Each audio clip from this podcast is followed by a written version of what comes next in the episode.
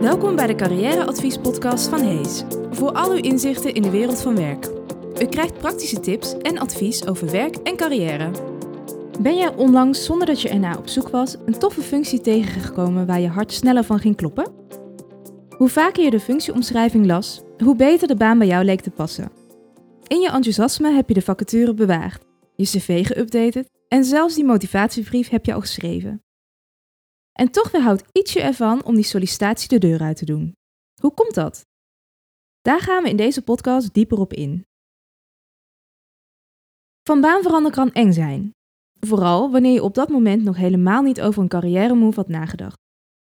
De angst voor het onbekende, het beperkte beeld wat je over jezelf hebt, de wat-als scenario's en beren op de weg zorgen ervoor dat jij de sprong niet waagt. Hoe kun je angst voelen en toch gaan voor die baan?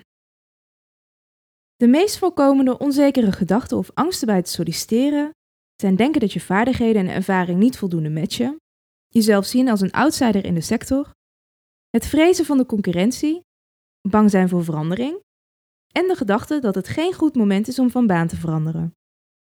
Ook kan de gedachte dat het te mooi is om waar te zijn opkomen.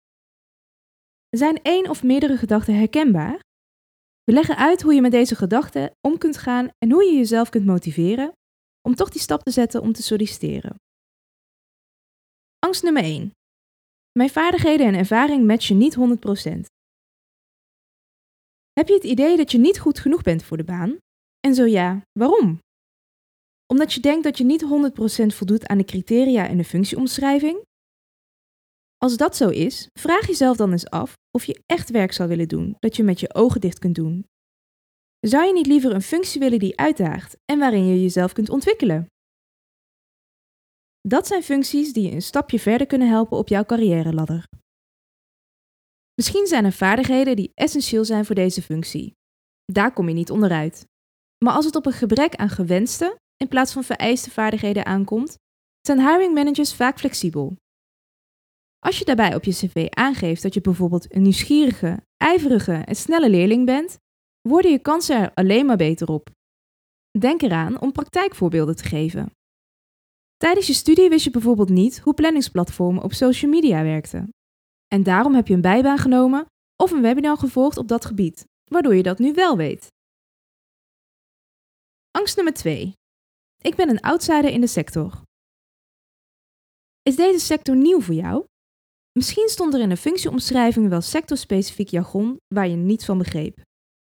Het vermoeden dat je een outsider bent heeft het alleen maar bevestigd. Vergeet niet dat iedereen ergens moet beginnen. De meest doorgewinterde experts in jouw vakgebied hebben zich ooit precies zo gevoeld zoals jij je nu voelt.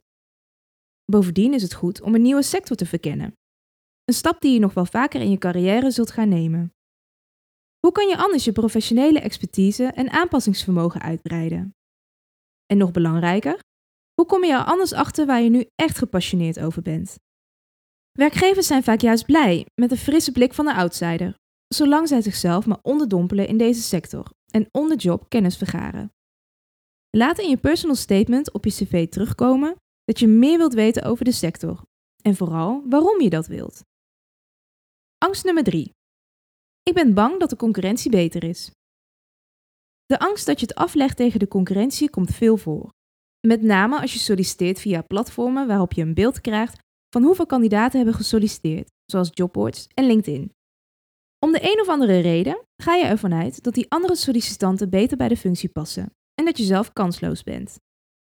Maar waarom zou je eigenlijk uitgaan van het slechtste geval en niet van het beste? Misschien zitten er tussen die tientallen sollicitaties maar een paar kwalitatief sterke cv's, waaronder die van jou. Om tijdens het sollicitatieproces meer zelfvertrouwen te krijgen, is het belangrijk om een positieve beeld van jezelf te creëren en ook om deze over te brengen. Geef jezelf een pep talk als je twijfelt of je moet solliciteren en noem alles op wat je tot nu toe al hebt bereikt. Maak een lijstje met jouw kwaliteiten die ervoor zorgen dat je een goede match met de functie hebt. Probeer de kernbegrippen in de functieomschrijving te herkennen, die worden gebruikt om de ideale kandidaat te beschrijven, en neem deze waar mogelijk op in je cv. Niet iedere kandidaat zal hieraan denken, dus misschien is het net datgene wat jouw cv onderscheidt met die van anderen. Angst nummer 4.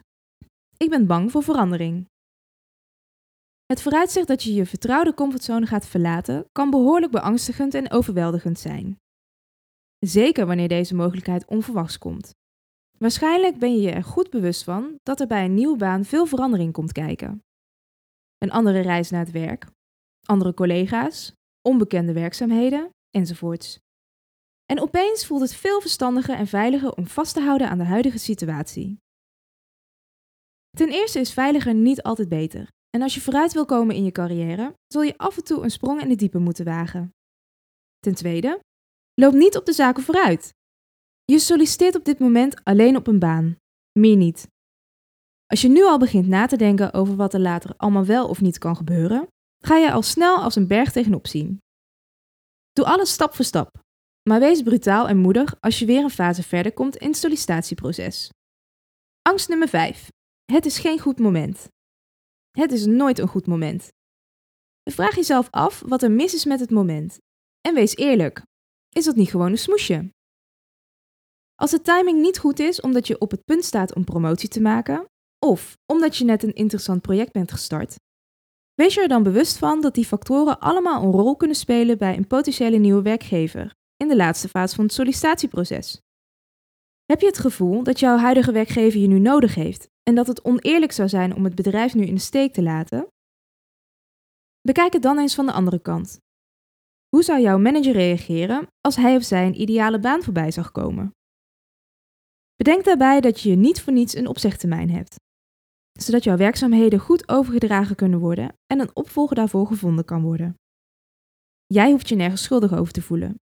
Als het gaat om jouw carrièrepad, moet je jezelf op de eerste plaats zetten, ook als het soms egoïstisch voelt. Angst nummer 6. Het is te mooi om waar te zijn. Veel mensen zweren bij de mantra: Als het te mooi lijkt om waar te zijn, dan is het waarschijnlijk ook zo.